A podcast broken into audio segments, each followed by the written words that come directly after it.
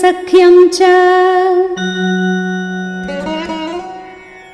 तस्य राज्ञो भविष्यति कन्या चास्य महाभागा शान्ता नाम भविष्यति